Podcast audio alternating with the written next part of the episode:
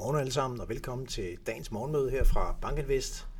Ja, i hvert fald en interessant dag i går, hvor vi jo fik offentliggjort de amerikanske inflationstal lavere end forventet, og det var altså med til at presse markederne i vejret, både på aktier og på obligationer. Rigtig flotte stigninger på, på aktier her i særligt Europa faktisk. Vi har så noget som Stock 600 op med 1,5 procent i går, og øh, Stocks Europe Small 200, small cap aktierne i Europa er helt i toppen med en stigning på 2,2 procent og er stedet 3,5 procent den sidste uges tid. Rigtig pænt. Stocks øh, vrøvl. S&P 500 i USA stiger med 0,7 procent, så det er altså øh, fine stigninger, som, øh, som vi er vidne til. Vi har ikke mindst Fang Plus-indekset i USA op med 1,7 procent også. Nasdaq op med 1,2 procent, så tech-aktierne begynder altså også at få noget medvind. Ser vi så lige på øh, det store indeks S&P 500, så lukker vi i går på øh, 4.400 og 72. Og øh, det er jo altså lidt af en stigning, vi har været vidne til her år til dato. Tror jeg har overrasket rigtig mange. Vi er oppe med ja, nærmere 17 procent øh, kursstigning på S&P 500 her år til dato. Og øh, det er jo imponerende, altså et år, hvor vi har haft øh, masser af økonomisk usikkerhed, masser af snak om recession, inflationspres og, øh, og klart strammere pengepolitik fra Fed og fra andre centralbanker. Men altså, aktierne har har udfordret hele det her øh, øh, scenarie det pres, og er, er virkelig kommet højt op, kan man sige. Hvis vi ligger, hvis vi ser i forhold til sådan noget som 200 dages glidende gennemsnit, så ligger vi i øjeblikket med en forskel på kursniveauet nu, og så det glidende gennemsnit på cirka 11 procent. Det er, øh, det er få gange, vi har set, at øh, markedet handler så højt med så stor en, øh, en stigning relativt til 200 dages glidende jeg tror, det er sket 6-7 gange de sidste øh, 23 år, så, så vi har virkelig et, et teknisk billede, som, øh, som, som øh, på den ene side ser stærkt ud, men hvor, hvor vi altså også øh, begynder at se nogle momentum-indikatorer, der bliver udfordret. Det gælder også RSI-indekset, som ligger op omkring 70. Vi kan også se på en række stemningsbarometre, at øh, de er kommet rigtig pænt med op. Så, så aktiemarkedet er, er fløjet, og man kan selvfølgelig naturligt stille sig selv det spørgsmål, hvad skal så bære det videre herfra?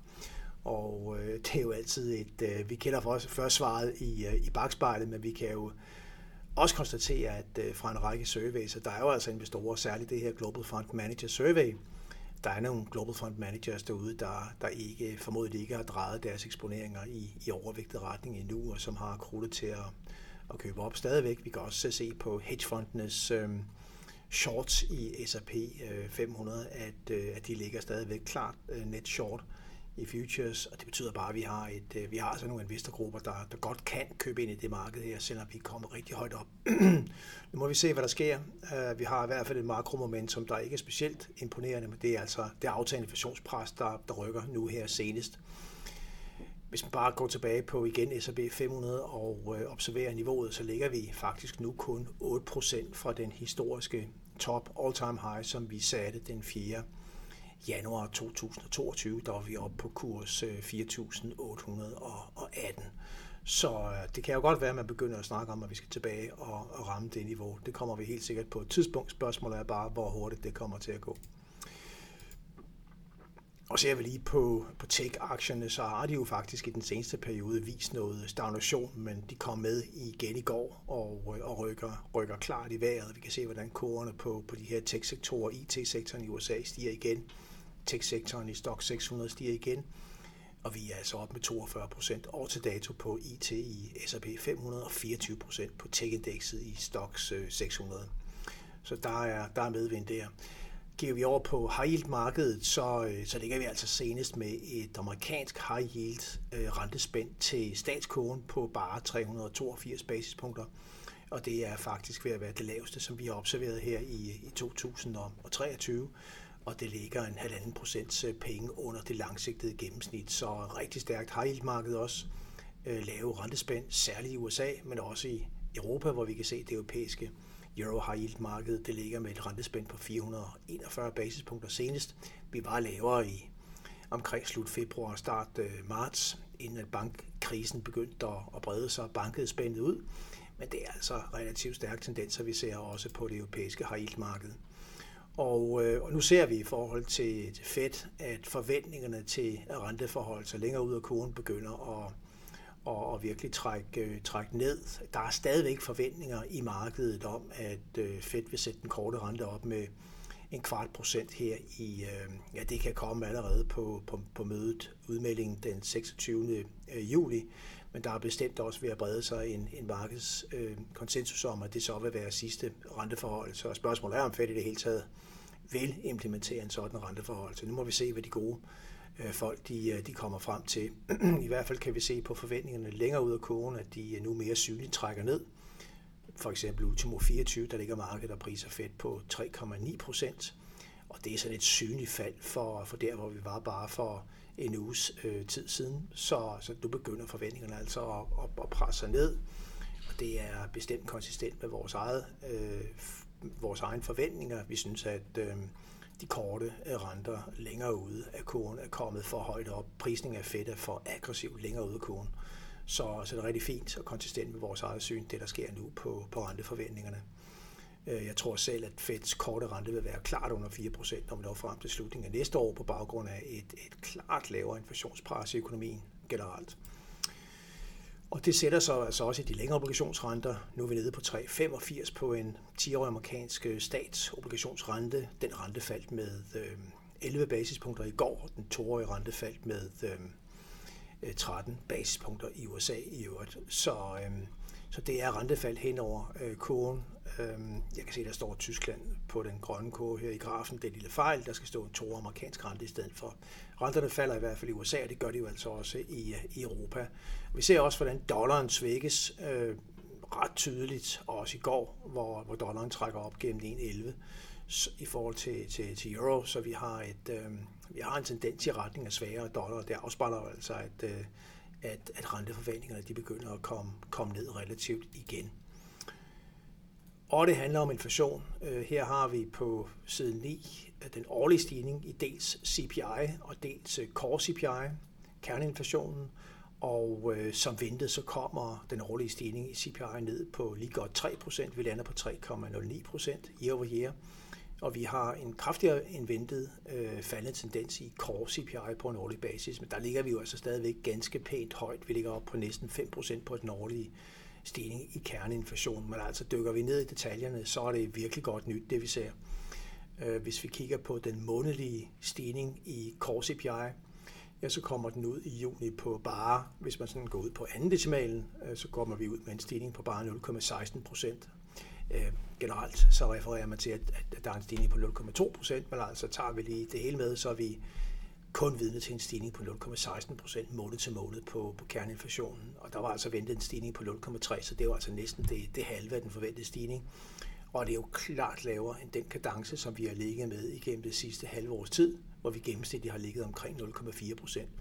Så det er virkelig et, øh, et mærkbart fald i inflationspresset, vi er, vi er vidne til her. Og øh, den gode nyhed det er også, at det ikke kun handler om, om varepriserne, som nu ligger nærmest øh, flat i den seneste måned. Hvis vi kigger på øh, core øh, commodities, øh, kerneinflationen på, på varemålet, så ligger den helt flat sidste måned. Men det handler også om, at øh, stigningen i core services øh, er klart mere afdæmpet, stiger kun med 0,25 procent sidste måned. Og det er der jo så en række årsager til, og en af de rigtig vigtige årsager, det er lige præcis, at vi begynder at se, at prisstigningerne inden for boligområdet, det, øh, det kommer altså ned.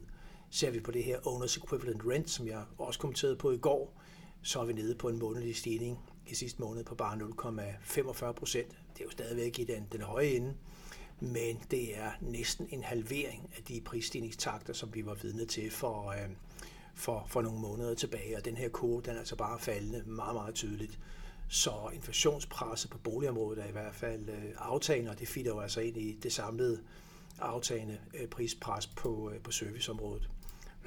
Vi ser også, hvordan at øh, sådan noget som medical services vejer cirka 7% vægt, ligger helt fladt på de seneste prisstigninger. Der er faktisk set et, øh, et klart fald igennem en periode på, på medical services, Øh, og, øh, og også inden for, for bilområdet, vareområdet har vi fat i her, nye og brugte biler, jamen der ser vi faktisk pris, prisfald både på de øh, nye øh, biler på den grønne kurve nederst, falder med 0,2 procent sidste måned, og de, de brugte biler er nede med 0,45 procent, vel at mærke efter et par måneder med prisstigninger på næsten 5 procent, så ser vi altså en reversering her.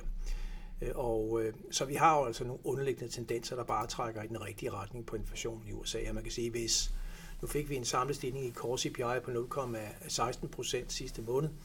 Hvis inflationen kan ligge og, og stige med, hvis core CPI kan ligge og stige med, med altså maks 0,2 procent måned til måned de næste måneder, øh, så er vi jo altså næsten i, så er vi næsten i mål i forhold til Feds ambition om at holde sig den, en løbende årlig inflation på, øh, på, på 2 procent.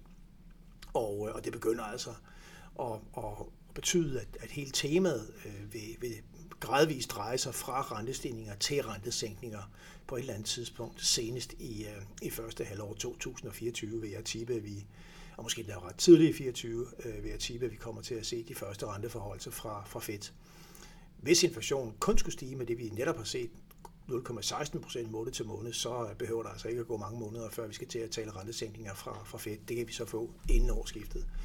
Så det er virkelig spændende at se, om det her lavere prispres øh, kan, kan fortsætte i de kommende måneder. Der er jo et argument for, at det kan det, i det vi jo har en samlet økonomisk aktivitet og ekspansion i USA, der ligger meget, meget tæt på, på, på nulpunktet. Vi har sådan en, en vækstpause, øh, meget, meget svag vækst i, i bedste fald i den amerikanske økonomi i øjeblikket.